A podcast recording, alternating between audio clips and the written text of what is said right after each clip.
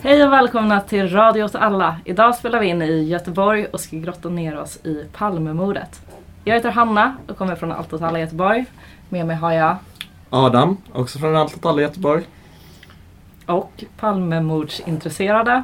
Emma. Och Martin. Yes. Lite bakgrund då. Olof Palme ledde Sveriges socialdemokratiska arbetareparti, alltså sossarna, från 1969 till sin död och var statsminister i två perioder. Han blev skjuten till döds i korsningen Tunnelgatan-Sveavägen i centrala Stockholm klockan 23.21 den 28 februari 1986. Polisen lyckades aldrig lösa mordet och utredningen har kantats av skandaler och blev för många en symbol för folkhemmets död. Frågan har väl kallnat lite med åren men lever starkt i Facebookgrupper som Palmerummet och det skrivs böcker och drivs privatspaningar. Förra året utannonserade tidningen Filter att de hade löst mordet och nu säger polisen att de ska stänga utredningen och gå till åtal. Så då undrar jag, vad fick dig att bli intresserad av mordet, Martin? Ja, alltså när, det- när det gäller Palmemordet så, så är det som kanske är, jag tycker är mest intressant med det är att det är som en eh, det, det har ju bara vuxit och vuxit ända sedan 1986 så det har bara blivit fler och fler spår som tillkommer. Liksom. Eh, och det är lite av en, av en eh, projektionsyta skulle man kunna säga för, eh, för vad som egentligen är berättelsen om Sverige. Liksom. Att eh, alla som intresserar sig för, för Palmemordet de, eh, de har en tendens att lägga in den här, de här idéerna de har om, om vad Sverige är och vad, vad det svenska samhället är och vad det var då och vad det är nu.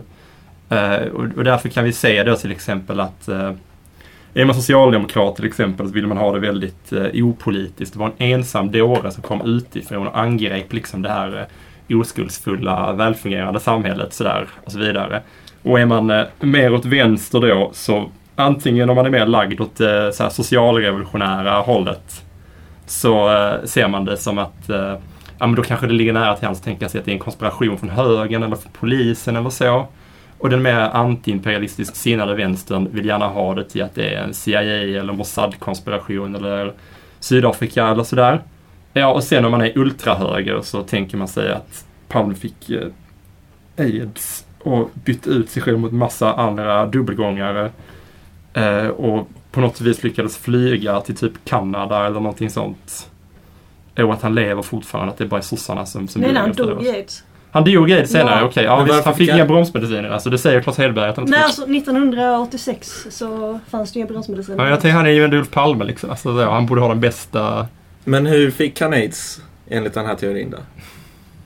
Är det Ebbe som gav honom aids i den här? Eller är det... Nej, jag Nej, tror det här... han Kom var på bordell i Köpenhamn Ja! och knullade barn! Oj! Uh, Okej, men Emma... Enligt uppgift. Enligt uppgift. men Emma då? Varför eh, är du intresserad av mordet? Ehm, jag tror det handlar om att jag har väldigt många äldre manliga släktingar som har snöat in på Palmemordet som det ofta är. Eh, när min morfar dog och vi skulle rensa hans eh, eh, rum så hittade vi till exempel en hel pärm med liksom, utklipp från om Palmemordet. Och min pappa har ju också gått den här vägen som många män gör, att man snör in på det fullständigt. Min pappa liknade ju Palmemordet eh, vid, eh, vad var det, en drogmissbruk en gång. Vad sa han? Att det är intressant för, för, för en själv men ingen annan vill höra om det. Inte för de som lyssnar. Nej, inte för de som lyssnar. Ja, men det känns jättebra eh, att göra en podd om det här då. Ja. Eh, och du då, Adam? Jag är nog mer intresserad av själva um, grejerna kring det. Alltså kulturen kring eh, eh, mordutredningar och sen tycker jag det är lite roligt med olika konspirationsteorier och sånt. Typ. Mm. Men vad... Okej, men finns det något allmänintresse i att bry sig om en gammal sosse som blir mördad 2020? Alltså det finns ju uttalanden i stil med att sanningen kommer skaka Sverige vid dess grundvalar i princip. Heter det grundvalar? Ja, Ja. är det Kjell-Olof Feldt eller vem är det som? Ja, tror det. Det är också en annan, det är en annan sosse då. Eh, som eh, sabbat hela Sverige. Eh, det, det är väl egentligen väldigt viktigt därför att eh, i och med att vi, vi kollar på Palmemordet utifrån olika prismor beroende på vad, vad man själv tycker och vad man själv står så är det olika förhållanden som blir väldigt, väldigt synliga när man tittar på mordet. Typ. Eh, och det är också att, att eh, de här konspirationsteorierna de... Eh, eh, fan, nu tappade jag tråden. Nej men Det som är intressant med Palmemordet är väl också att han är ju uppenbarligen mördad. Eh, och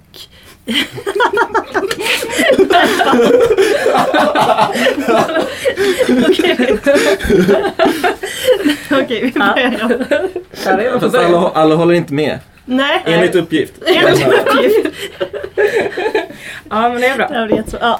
ja. Eh, det som är intressant med Palmemordet. Nej men okej, det, som är, det som är viktigt med Palme, det som kanske är viktigt med Palmemordet är att, att eh, det säger ändå, alltså okej detta är lite konspirationsteoretiskt men, men det säger ändå någonting om att det gick så oerhört uselt att uh, utreda den här frågan.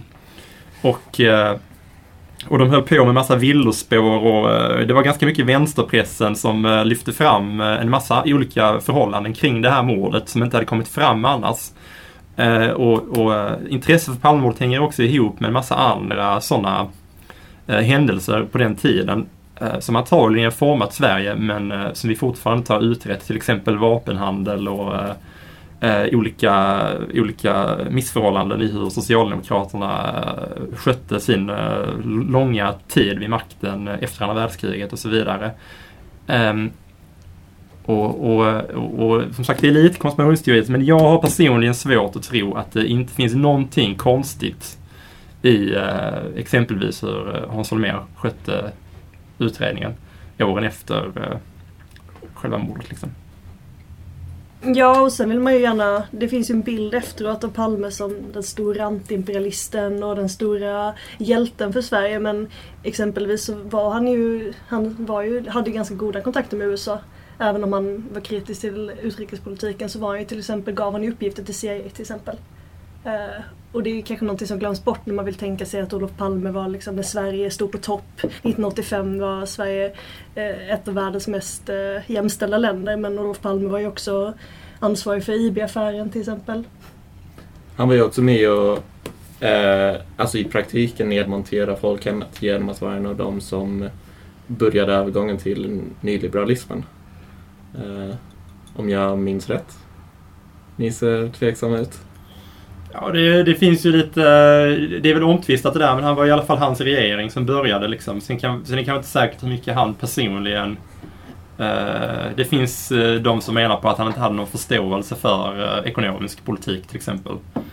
Eh, men att han ändå var en belastning för de här kanslihushögern därför att han eh, vägrade att anpassa sig till 80-talet. Han, vill han, vill, han blev bara mer och mer fokuserad på det här med de alliansfria länderna och kärnvapenfria zoner och sånt där det var superosexigt när man skulle satsa på eh, avreglering och pro-USA och sådana grejer. Liksom.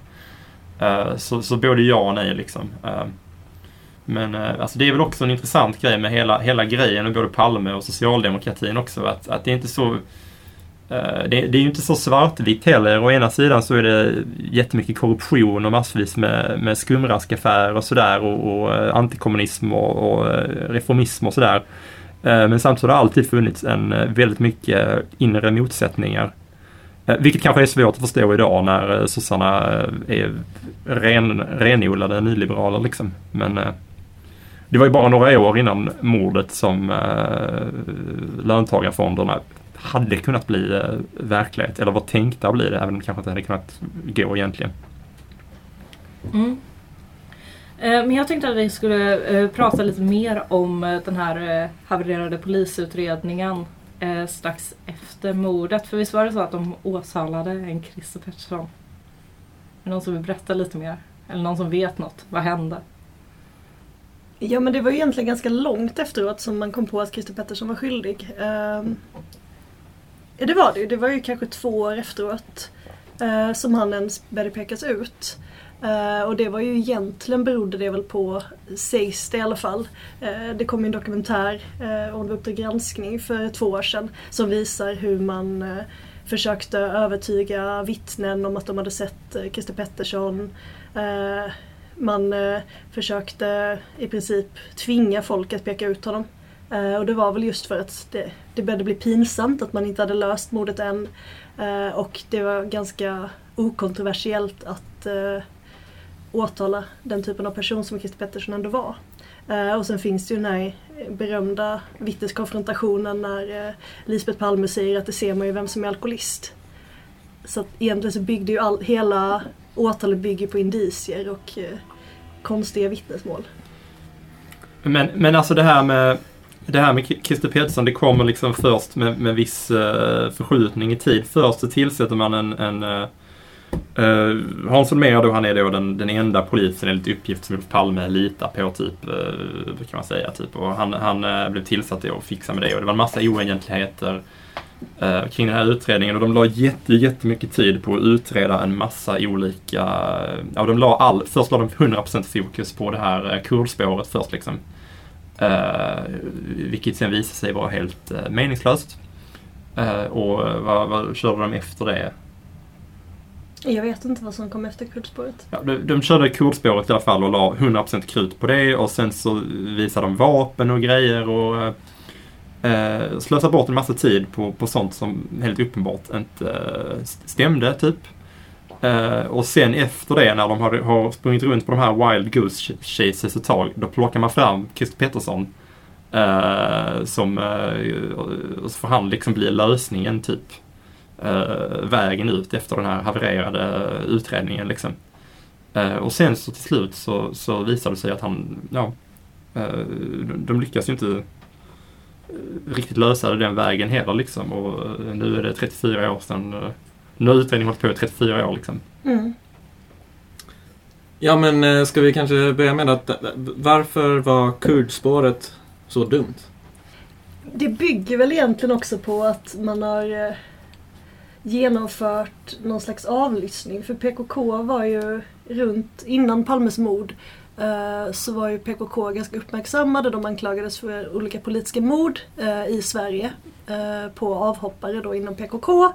Uh, och uh, i enlighet med någon äldre terrorlagstiftning så får de ju, blir de ju också, de får så utvisningsbeslut precis som uh, de här islamisterna fick i höstas. Att de kan inte utvisas och de sätts i kommunarrest och de är ganska uppmärksammade överhuvudtaget. Och Öcalan söker politisk asyl i Sverige men får avslag. Och det ska då vara motivet till varför PKK skulle ha mördat Olof Palme. Och då gör man en avlyssning eh, där man felöversätter. Eh, jag kan inte kurdiska men alltså kurdiska ordet för nyår. Eh, och menar att när de planerar den här nyårsfesten så tror man att det är kodspråk för att mörda Olof Palme. Så neuros? Ja, precis. Inga... Hoppas jag inte blir skjuten av PKK för så, så de, är, de är den perfekta syndabocken ja. Och en intressant mm. grej är att Olof Palme figurerar på en massa andra på en massa dödslistor runt om i världen. Han har, han har figurerat på uh, i Sydafrikas uh, säkerhetstjänst dödslista, har jag för mig. Uh, Chiles.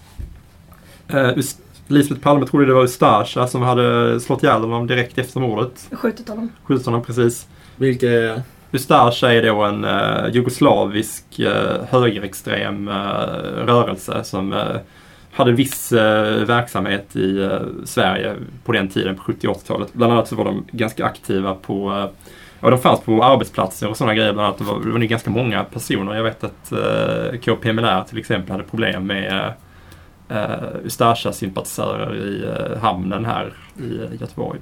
De är väl också kända för att de under andra världskriget fick höra av SS att de var lite för barbariska. Ja, ja det kan ju stämma. Men det säger ju också Lisbeth Palme, det är bland det första hon säger att hon tror att det är Ustasja och sen förnekar hon ju det efteråt så det är ingenting som man egentligen lägger så mycket vikt vid efteråt. Men det är också ganska intressant för det kan ju säga någonting om kanske utseendet på skytten eller dylikt. Att hon tror att det är en kroat. För hon var med honom. Det är alltså Lisbeth Palme är hans fru. Och hon var med honom den kvällen. De hade varit på teater. Bio. Bio. Okej. Okay. De hade varit på bio. Och egentligen skulle hon ju blivit skjuten också men uh, i och med att hon slänger sig efter sin man så missar det andra skottet.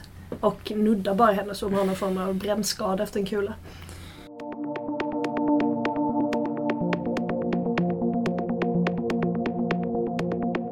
Okej, så vad hände efter att Christer Pettersson släpptes? Och varför friades han? Kan man kanske börja med det också? Ja, han blev dömd i tingsrätten och friad i hovrätten. Uh, men det, jag- vet inte, det var väl Det var väl antagligen att det helt och hållet var indicier. Jag tror att eventuellt att något vittne tog tillbaka sitt vittnesmål också för det fanns ju inga riktiga vittnesmål. Enligt eh, Gunnar Wall som då har skrivit väldigt mycket om eh, mordet, eh, som bland annat fick mig intresserad av det hela, så finns det ju också ett, en person som har sett Christer Pettersson den natten i, i närheten av Rotebro där han bodde. Så att överhuvudtaget att anklaga Christer Pettersson var ju ett misstag. Ja men jag... I det här Palmerummet så vet jag också att de här gubbarna brukar prata om att en alkoholist som Christer Pettersson aldrig skulle kunna skjuta så bra med den kalibern. Men det känns väldigt... Eh, jag vet Det inte. finns ju en jättekonstig idé också om att Christer Pettersson skulle ha sett fel. Eh, Så att han trodde att Olof Palme var någon eh, droghandlare som han då var i luven med som hette Cederström eller något sånt. Sigge Vilket, Cedergren. ja, exakt. Och det är ju jättekonstigt. Alltså, ja, det är väl som han hade det här. Det finns ju något som, något som heter dubbelgångaren också som ser ut som Christer Pettersson, typ. Eh, han säger ju det att, eh, då, då, då är ju det en av argumenten till varför han skulle ha skjutit Palme då att jo men han, han ägde rätt typ av pistol och bodde i närheten. Eh, och ser ut som Christer Pettersson. Christer Andersson. Var det han som sköt sig själv efter att en privatspanare hade knackat på och sagt att det var polisen på 90-talet? Jag vet inte, den, alltså Christer Andersson är ju ett namn som återkommer väldigt ofta som är ett ganska tråkigt spår. Som handlar om att den här Christer Andersson skulle ha förlorat väldigt mycket pengar på grund av Palmes politik eh, och därför gått ut och skjutit honom. Men, Mm. men det Christer Andersson säger i alla fall är att de säger det, ja men du är ju med i en skytteklubb och skjuter jättebra och då säger han ju då att vem skulle inte klara av att skjuta någon på det avståndet? Alltså, det, det, det är liksom de här argumenten om att det skulle varit en väldigt skicklig skytt, jag, jag vet inte, det, det, det känns väldigt blandat från olika från person till person ifall de tycker att de måste vara det eller inte för att, för att utföra de här. Alltså det, det intressanta är ju att de missar Lisbeth liksom. Ja, Ehm, men det är ju det är ett skott som, eh, som dödar direkt. Så på det sättet är det ju ett bra skott för att vara ett skott. Eh, Men samtidigt så finns det ju till exempel de som menar att CIA när de gav ut en eh, lönnmordsmanual på 50-talet så menade de att, att skjuta en, en, politisk motståndare är kanske alternativ 15 eller någonting. Det finns så extremt många bättre sätt att mörda någon på. Eh, Och det skulle då vara ett argument mot att det är en säkerhetstjänst som har gjort det. Men samtidigt så kan man ju tänka sig att varför skulle CIA använda sin vanligaste metod om de vill göra någonting i hemlighet? Mm, just det. Mm. Och en bilbomb till exempel som eh, eh, jag vet att väldigt många eh, mördare använde som hade kopplingar till CIA och eh, Chile på 70 80-talet. Det går ju inte om någon som inte åker bil till exempel. Mm. Men det hade varit kul att höra lite mer om så här, vem, vilka gjorde det, de olika spåren och liksom hur och varför. Är det någon som har något som de vill berätta om? Ja, alltså man kan ju börja i vilken ände som helst. Det finns ju hur mycket, hur, hur mycket som helst verkligen. Alltså, eh, jag kan väl själv tycka att eh, Iran eh, kontras eh, spåret. Alltså det, det, det, där får man ju säga det att, att eh, jag, jag läste någon sån här statlig utredning där de pratade om alla spåren. och de sa det att de här eh, spåren som handlar om utländska säkerhetstjänster, de, de baseras nästan alltid på eh, tyckande och motiv och på väldigt lite eh, substantiell eh, bevisning. Liksom. Men samtidigt är det ju de som kanske är mest fantasi... De de är mest fascinerande för att, på sätt och vis för att då känns det som att anta att mordet betyder någonting. Att det här hände av en anledning och det är inte bara att eh, Christer Pettersson var full galen och bara gick ut och sköt Palme så på måfå utan eh, det finns någonting bakom. Eh, och då är det ju, en, en teori då skulle ju då vara att uh, Ulf Palme blev... det här var ju samma veva som uh, CIAs uh, vapenförsäljningar och fuffensaffärer med Iran dök upp. Och de pengarna de fick av det använde de ju för att stötta Contras i Nicaragua. Eh, och då finns det då en teori om att Olof Palme skulle ha känt till det här Eh, och att det var väldigt viktigt för USA att fortsätta mörka de här händelserna i några månader till. Och då finns det då, då tänker man då att Palme var en av flera politiker att bli eh, mördad. Det ska ha varit någon politiker eh, som de skulle försökt kommit åt genom den här eh, Lockerbie-attentatet, eh, en flygplan som eh, sprängde i luften. Och lite sådär. Så det är ju en väldigt eh, fantasieggande idé att det var så det gick till. Och då, då, kan man också få in alla de här grejerna av olika legoknektar och sånt som man misstänkt varit inblandade. En annan variant på det är ju landsförrädarspåret om man tänker sig att är det högt uppsatta militärer som vill stoppa Ulf Palme för att åka till Moskva för att eh, samtala med ryssarna och då skulle Sverige närma sig Sovjetunionen mer. Sluta vara lika alliansfria som man kallade det på den tiden, det vill säga samarbete med NATO under bordet. Eh, och istället eh, göra Norden till en eh, kärnvapenfri zon då. Eh, och, eh, och då var man ju då rädd då för att det skulle leda till att eh, Sovjetunionen skulle stärkas av det och så vidare. Typ. Eh, så där är två klassiska eh, konspirationsteoretiska spår, typ. Eh. Ja, för det fanns ju många som trodde att Olof Palme var sovjetisk agent. Ja, ironiskt nog. Ja, ironiskt nog. Och det är väl grunden för många av mer högerorienterade spår, eller man ska säga. Att polisen ville mörda honom på grund av det. Att militären ville mörda honom på grund av det. Att CIA ville mörda honom på grund av det Stay Behind-rörelsen. Ja, vad är Stay Behind? Ja, väldigt många teorier cirkulerar ju också kring det här med, med Stay Behind då och eh, det var ju det var, det var under en period så trodde man liksom inte, eh, var det lite omtvistat, vad är Stay Behind, finns det på riktigt och så vidare och så vidare. Men efter andra världskriget så upprättades det hemliga organisationer i alla västländer i Europa som skulle kunna fungera som motståndsrörelser i fall av en invasion från Sovjetunionen och deras eh, allierade. Um, och eh, Många av de här organisationerna har varit inblandade i en massa olika attentat och annat fuffens typ. Eh, framförallt, vilket kanske kan ha relevans för eh, den autonoma vänstern så att säga. Eh, många av de Eh, Eh, mycket av den politiska utvecklingen i Italien på 60 och 70-talet är svår att förstå om man inte förstår att eh, det fanns eh, underjordiska organisationer som hade ett lite, lite koppling till staten och lite koppling till folk väldigt långt ut till höger som var med och, och orkestrerade olika terrordåd, bland annat riktade mot vänstern. Och då syftade det bland annat till att försöka eh, Eh, hantera hotet om att kommunisterna skulle få mer makt i samhället. Typ. Eh, så det var en del bombningar och sådana saker. Eh, och sen visade sig då det att eh, det här hade pågått. Man lyckades få fram bevis på det. Det kallas Operation Gladio i Italien. Eh, I Sverige har vi också haft eh, Stay Behind-rörelse och vi har haft eh, två olika grenar skulle man kunna säga. Eh, vi hade först en gren som var eh, Eh, väldigt långt ut till höger. Eh, mycket Finlandsfrivilliga och sådana där saker. Folk med som var lite sympatiskt inställda till eh, Tredje riket bland annat. Eh, och sen så blev sossarna obekväma med det. De tyckte det här känns inte bra. De kommer nog inte, om de här människorna får för mycket makt kanske vi också börjar ryka. Kanske blir en partiledare skjuten i en gränd, vem vet. eh, så de försökte liksom fasa ut de här och ersätta dem med lite mer sosse pro-sosse-grupper liksom.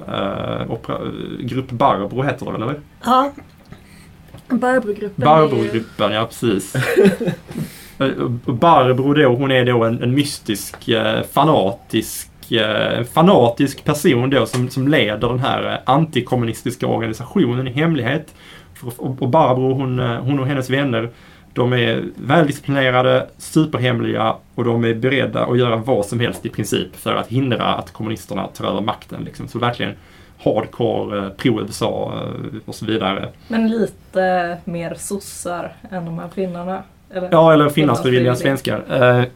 Ja, ja, precis. De är lite mer kopplade till det. De är, de är lite mer, vad ska man säga, lite mindre politiskt inkorrekta än den andra stay behind-grejen. Liksom. Eh, och de här människorna, Barbro-gruppen är väldigt involverade i eh, i olaglig övervakning av eh, kommunister och oppositionella och sånt på 70-talet också. Jo men man kan säga det är två saker Barbro hatar. Barbro hatar kommunister och Barbro hatar knark. Så att det sägs ju att under mordnatten så ska då Barbro-gruppen ska vara de här walkie-talkie-männen som går runt då i Stockholm och letar efter drogförsäljning som de kan stoppa.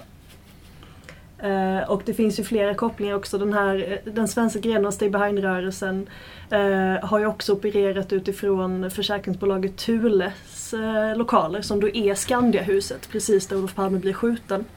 Eh, och det är ju också en intressant aspekt av det hela att allting hänger på något sätt ihop när man börjar tänka på det. Ja, Nu, nu får vi förklara här vad Skandiahuset har med Olof Palme. Det är Ja. utanför Skandiahuset som Olof Palme blir skjuten. Jo Ja, men, men- mer... Vi ska kanske prata om också att det var ju det Filter, när Ja. Filter skrev sin artikel. Ja, så kom det här med den så kallade Skandiamannen Ja. på tal. Och det är Mm. då en vad är han, grafisk formgivare eller Mm. något sånt som jobbar då för Skandia och Svenska Turistföreningen eh, som också eh, används av Stay Behind-rörelsen. Det är de här reklamarna alltså. Ja, precis. Eh, och de, eh, han är, har ju då blivit utpekad eftersom han eh, var på mordplatsen. Och det vet man ju när man har sett en deckarserie att det ofta är en person i anknytning, i anslutning till mordplatsen som är skyldig. Eh, ja, men det är ju så. Det är, om, det här vore, om det här vore en eh, en timmes eh, avsnitt av en eh, kriminalserie så hade ju Skandiamannen varit en ganska rimlig misstänkt.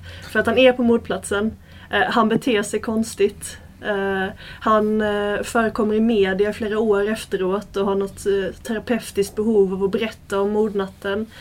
Han ljuger. Proletären tycker att han beter sig konstigt. Han är moderat. han har ett låst arbetsrum. Han Där förvarar en pistol då. enligt man upp- tänka kan man sig, tänka sig. Ja. Ja. Och han har... Nu tappade jag spåret. Han eh, tar till slut, han super till slut ihjäl sig eller tar livet av sig eh, några år efter mordet. Efter att ha börjat må sämre och sämre efter mordet. Och då kan man ju undra varför, vad hände under mordkvällen som fick honom att eh, eh tappa greppet? Och det finns väl ganska många som tror nu att eh, Christer Petersson som leder förundersökningen att det är Skandiamannen som kommer pekas ut. Okej, men, men då får jag säga då att, att eh, en, en, en grej med, eh, om man tänker så här, vad betyder om man, om man lite leker att, eh, att verkligheten inte finns utan allting bara är, eh, är så här sanningsanspråk och allting bara är symboler och sånt liksom. Eh, så tänker vi oss då att, att, att, att vad, vad man påstår när, när man säger det är Christer Pettersson som har mördat Olof Palme. Alltså han är ju en så här klassisk så här folkdevil liksom. Alltså, Mm. Han är en han är en avvikare, han passar inte in i det här fantastiska landet Sverige där vi har välfärd, vi är välordnade, folk köar och går till jobbet och betalar skatt och sånt. Så går Christer Pettersson där runt där i någon förort med sin eh, tröja hela dagarna och, eh, och super och, och hänger, med, hänger med knarklangare och eh, är excentrisk och högljudd och, och håller på. Eh, han, är, han är en tacksam, eh, tacksam figur att eh, skylla mordet på. Och när det gäller Skandiamannen då så är han ju också där i ett argument. Det känns som där, ja men han är en konstig kille. Kanske är han som mördade Olof Palme för han är så konstig. Skandiamannen. Han, han, eh, han, han är deprimerad och underlig och ingen tycker om honom. Jag tror till och med när han har varit så här, alltså, jag till och med att hans fru var sa så här, han kan inte ha Olof- Olof Palme. Han är den mest omanliga man jag någonsin Ja, någonsin jo, nej men precis. Han är ju tacksam på det sättet också för att han var ju han var ju med i Moderaterna i Täby men han var väl verkligen ingen eh, maktperson någonstans överhuvudtaget. Ja, men kanske kommer på samma sätt som, som Christer Pettersson eftersom han är en folkdevil. Liksom. Alltså, alltså man menar att, att, att en, en sån symbol i, i eh, kulturen, som, i vår gemensamma kultur. För allting som är fel och som vi är så, nej. Då är det då ett, ett alter ego till det som är liksom eh, dygdigt och fint och bra. Liksom. Och då skulle jag vilja säga att om det här kommer rulla på nu så kommer snart eh, ungdomar kommer eh, klottra Skandiamannen på eh, väggar och ha bilder av honom där han går runt i sin lilla manbag och eh, 80-talskläder eh, liksom. För att eh, eh, han är också han är en, en, eh, en av, han, är, han bryter mot normer och sådär liksom. Och, eh, det är ju det som är lite, lite, tråkig, lite tråkig underton i de här spåren med de här märkliga männen. Mm. Men det är Eh. väl ganska viktigt för, eh, för folk att eh, få en lösning på det här. Alltså inte bara för att det är en stor grej men också liksom för att Sverige ska fungera. Det finns en st- stark vilja. Och typ om man pratar med typ lite äldre kvinnor så brukar de ofta vara väldigt så här. Christer Pettersson gjorde det. Det måste ha varit han. Så du menar då Martin att de nya, alltså det är vi, de unga tanterna så kommer, eh, eh, för oss så funkar liksom inte Chris Pettersson eftersom vi inte bor i samma Sverige. Så vi behöver en misslyckad grafisk designer.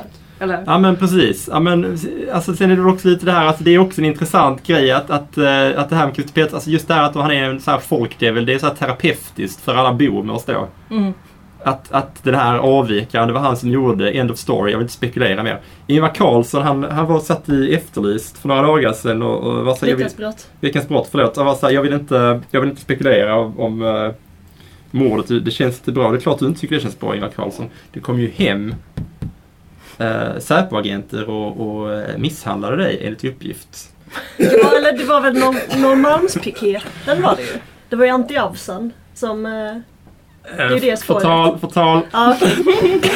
Nej men det, det finns, ett, ett, eh, det finns en, en konspirationsteori om att uh, han Men gick... det är en konspirationsteori, men det finns ju en teori i alla fall om att Ingvar Carlsson avgick. För att när han då meddelade att han skulle avgå som statsminister så hade han ju en skadad fot. Han hade kryckor. Han hade kryckor till och med. Och det är ju aldrig helt utrett vad som egentligen hade hänt där. Så då finns det ju en, eventuellt uppgifter om att det varit människor, män på hans tak kvällen innan. Som då skulle ha misshandlat honom. För att han visste för mycket. Och det skulle då ha varit eh, poliser. Norr, Ah. Norrmalmspiketen. Ja, han vill ju inte spekulera, han har ju sagt det. Nej, Men vilka... Norrmalmspiketen var väl också ökänd det var för... baseballligan. Ja, de var nazister Ja, i princip. våldsamma.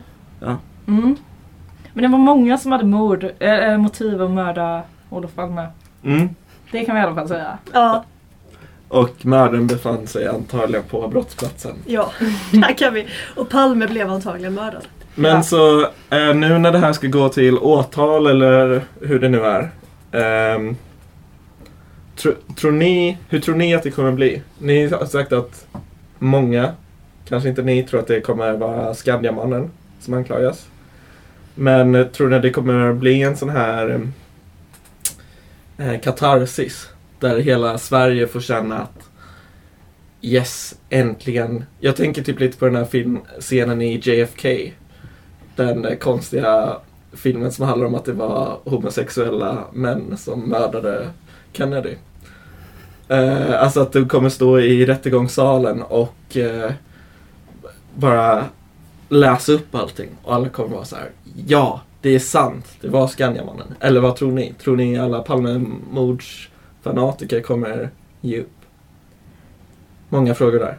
Ja, den här frågan ställdes ju givetvis i Palmerummet eh, häromdagen. Eh, hur kommer någon acceptera en lösning? Ehm, och då är ju egentligen Skandiamannen är ju ganska lätt att på något sätt eh, pussa, i och med att han är död så kan man ju liksom applicera en massa andra teorier på honom. Eh, och då kan man ju till exempel tänka sig att eh, Skandiamannen ingick i ett större nätverk. Eh, där eh, flera personer under mordnatten eh, var beredda. Eh, man kan tänka sig att eh, Skandiamannen fick kontakt då med de här Barbro-gruppen och att de övertygade honom om att det här var hans chans att göra skillnad i samhället. Man kan också tänka sig att Skandiamannen agerade på eget bevåg men polisen eh, förstörde utredningen ändå för det låg inte i deras intresse att eh, lagföra någon. Exempelvis. Mm. Men varför skulle Barbro vilja eh, mörda Palme? De älskar ju sossarna. Men alltså eh, grejen med Stay Behind-rörelsen är ju att den ska skydda skydda de här länderna från att gå över till östblocket. Så då kan man ju tänka sig då att, att eh, Barbro och company fått eh, order från högre upp då, från högre ort att ja men nu, nu är Palme inte pålitlig längre. Han, eh, han, han, han kanske kommer försöka hoppa av nu till öst. Så då är det bäst vi skjuter honom innan det händer. Det är väl den teorin som är den vanliga. Har jag för mig. Mm. Ehm, och, eh, och då får man ju inte glömma då heller att, att eh, många av de här spåren bygger ju väldigt mycket på tanken då att Olof Palme själv skulle varit väldigt insyltad i CIA och sådär. Men att han skulle spelat lite dubbelt eh, länge. Och det, det finns ju ändå en del som pekar på att det skulle kunna vara lite så. För han, vi vet ju att han har samarbetat med CIA redan innan han blev eh, högt uppsatt politiker och eh, vi vet samtidigt också att han ibland var eh, intresserad av att föra en självständig linje i förhållande till USA. Samband med att han eh, bad eh, jänkarna att eh, lämna landet i, i samband med Vietnam till exempel och sådär. Ja, men det är ju den här Moskvaresan som man faktiskt ska göra, om det är dagen eller dagen efter. Ja, precis. Som man tänker då är motivet, att man måste förhindra Palme med alla till buds stående medel från att resa till Moskva. Men hade han inte varit i Moskva innan? Jo, det, det kan man ju tänka sig att han hade. Det hade han ju säkerligen varit, men det måste ju vara att man eh, hade skäl att tro att Palme skulle göra någonting i Moskva som skulle förändra det utrikespolitiska läget på något sätt. Det är väldigt intressant att man eh, lägger så mycket politisk vikt vid så en enskild person. Liksom, att Palme kan verkligen förändra hela Sverige. Mm. Det känns som ett genomgående tema i alla de här spåren. Liksom, Palme ska göra en sak och det är den han måste hindras ifrån att göra. Och det var lite olika då, åka till Moskva. Ja men det är väl också det att, eller det har väl ni pratat om flera gånger att eh, det sätter ju Sverige i centrum för världspolitiken. Ja, Och vi vet ju alla att svenskar är väldigt kåta på det liksom. Eller vi blir väldigt glada så fort vi nämns internationellt. ja, väldigt glada. Och jag tror att det är väl det som eh, äldre män fortfarande säger om Palme, att han satte Sverige i centrum i världspolitiken. Och jag tror inte att eh, de riktigt har kommit över det. Men, men alltså det är väl lite någonstans det också som är både det intressanta och det irriterande med, med, med de flesta teorierna om det här mordet. Att, eh, eh, precis som, som Hanna säger, att, eh, att man lägger sån enorm vikt vid den här personen. Och att, men då får man ju också tänka på så vem han var på den tiden och att eh, det finns ju någon känd bild där han håller tal då, där de har placerat honom framför en eh, bild av en ängel har jag för mig. Oj, oj, oj. Ja. Eller en duva kanske, så ser man vingarna komma ut från Olof Palmes kropp där bakom honom. Eh, å andra sidan, så när Moderata ungdomsförbundet hade stormöten och sånt, så hade de dockor av Olof Palme som de slog sönder, typ. Eh, så han var ju verkligen en, eh, en enorm, eh, enormt mycket av, alltså enormt stor symbol på den tiden. Och eh, eh, som, som, som, som kommunist är det ju svårt att förstå den här, den här, den här fixeringen vid honom som individ då, men, men det är väl just därför man måste tänka lite på det i, i termer av, av symboler och, och sådana saker. Och inte av den faktiska betydelsen riktigt.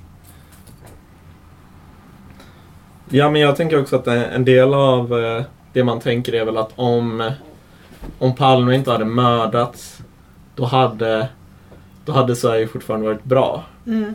Eh, eller jag har i alla fall en känsla av att det är mycket därför folk eh, eh, Vissa hakar upp sig ganska mycket på mordet. Eh, och då tänker jag att den deprimerande sanningen är väl att nej, det hade nog blivit ganska mycket som det är ändå. Eller? Kanske att det hade varit en kärnvapenfri zon. Ja, det är en väldigt konstig syn på samhället att tänka sig att eh, Olof Palme skulle vara någon slags eh, garant mot nyliberalismens intåg i Sverige som jag tror att väldigt många äldre män ser det. Liksom. Eh, men så hade det antagligen inte blivit och det är ju också en aspekt av det hela att man ser ju ofta filmklipp av Olof Palme när han var lite piggare, lite yngre.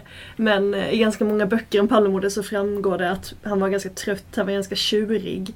Eh, Det finns eh, något vittnesmål någon tid innan mordet när Olof Palme i princip började spela klarinett i frustration.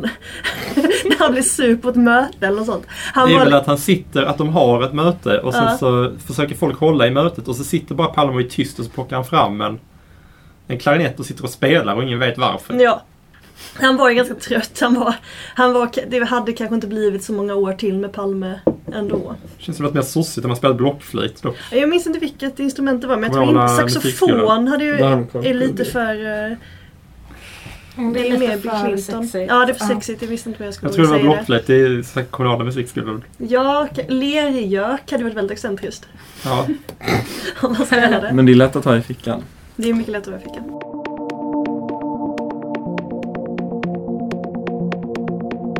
En, en grej med sossarna är också att de har haft en massa viktiga möten. Alltså de har, kort efter Olof Palme dog så hade de eh, typ partistyrelsemöte eller någonting sånt och sen efter det så var de tysta som muren om det här. Och det, jag tror det var i samband med det som eh, Kjell-Olof Feldt sa så här, vad en sanningen är kommer det att skaka Sverige i dess grundvalar. Liksom. Ehm, så sossarna de, vill, de, de, de är väldigt försiktiga kring det här. Liksom. Men det är, ju inte svå- det är ju inte svårt att förstå heller. Det är ju ändå alla sossars kollektiva pappa. Jo, jo, absolut. eh, som blivit eh, nedslitt, eh, nedskjuten på öppen gata. Då kanske man tycker det är så kul att spekulera heller. Eh, Ja, men de, kan ju inte- de, de som älskar att spekulera mest, konspirationsteoretikerna, ändå hela tiden säga så, ja men de vill inte för att de vet egentligen men de vill inte prata om det här. Mm. Och inte bara pappa, alltså för Mona Sahlin verkar ju Olof Palme varit liksom hennes ständiga onanifantasi till exempel. Hon pratar ju väldigt ofta om hur sexig hon tyckte Olof Palme var. Så det är en annan typ av trauma kanske för henne.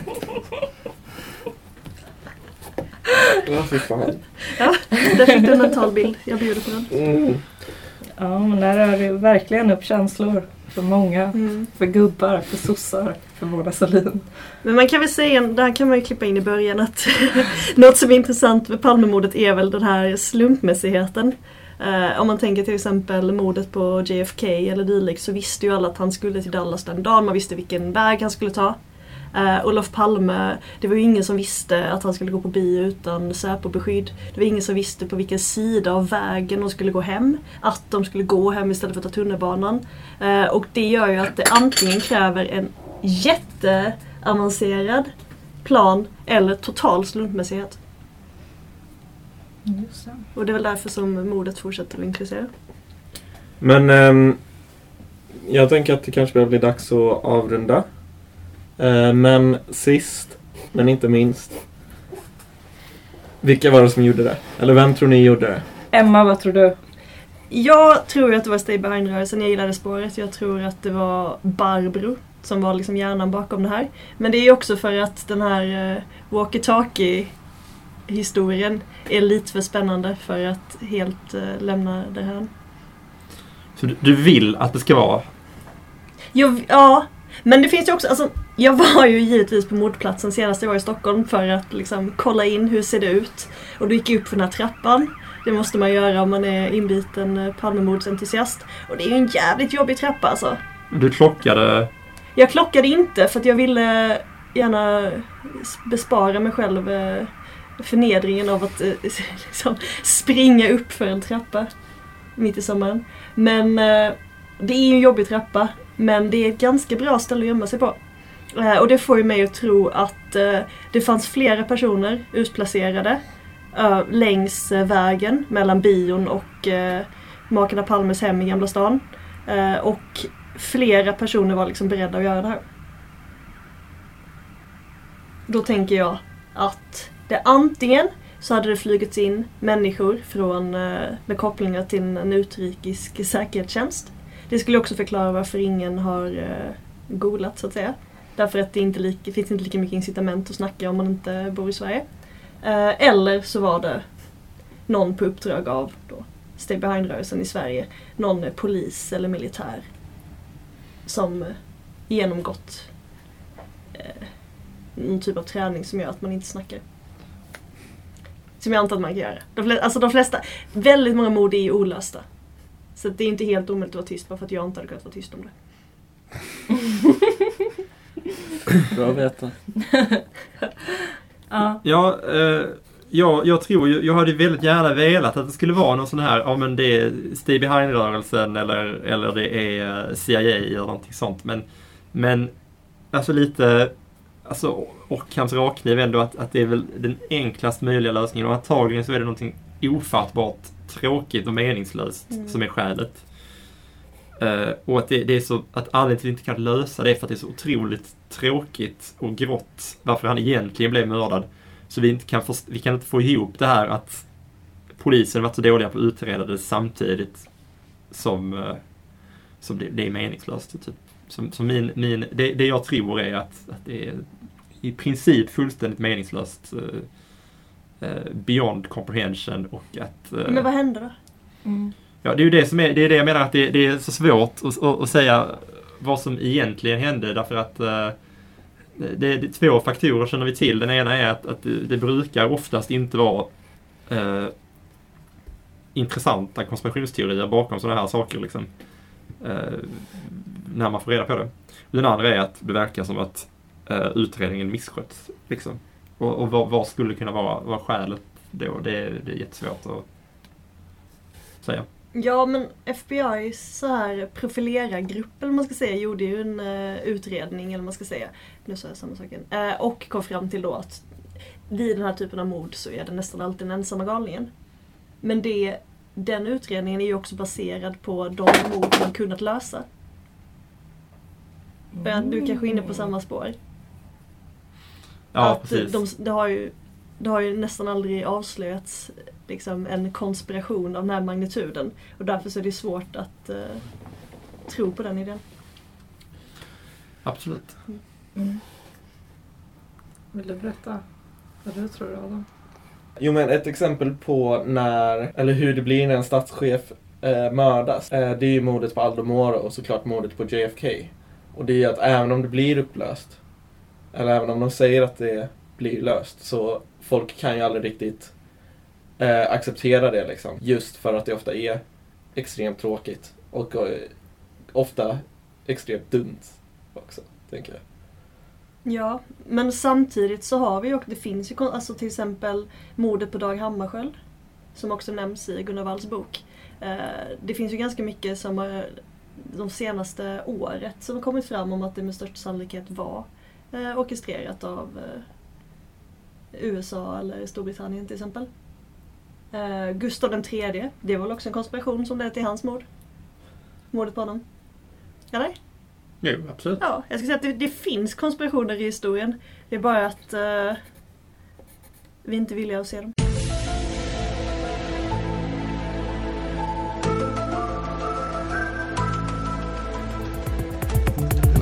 Det var- det var- det var-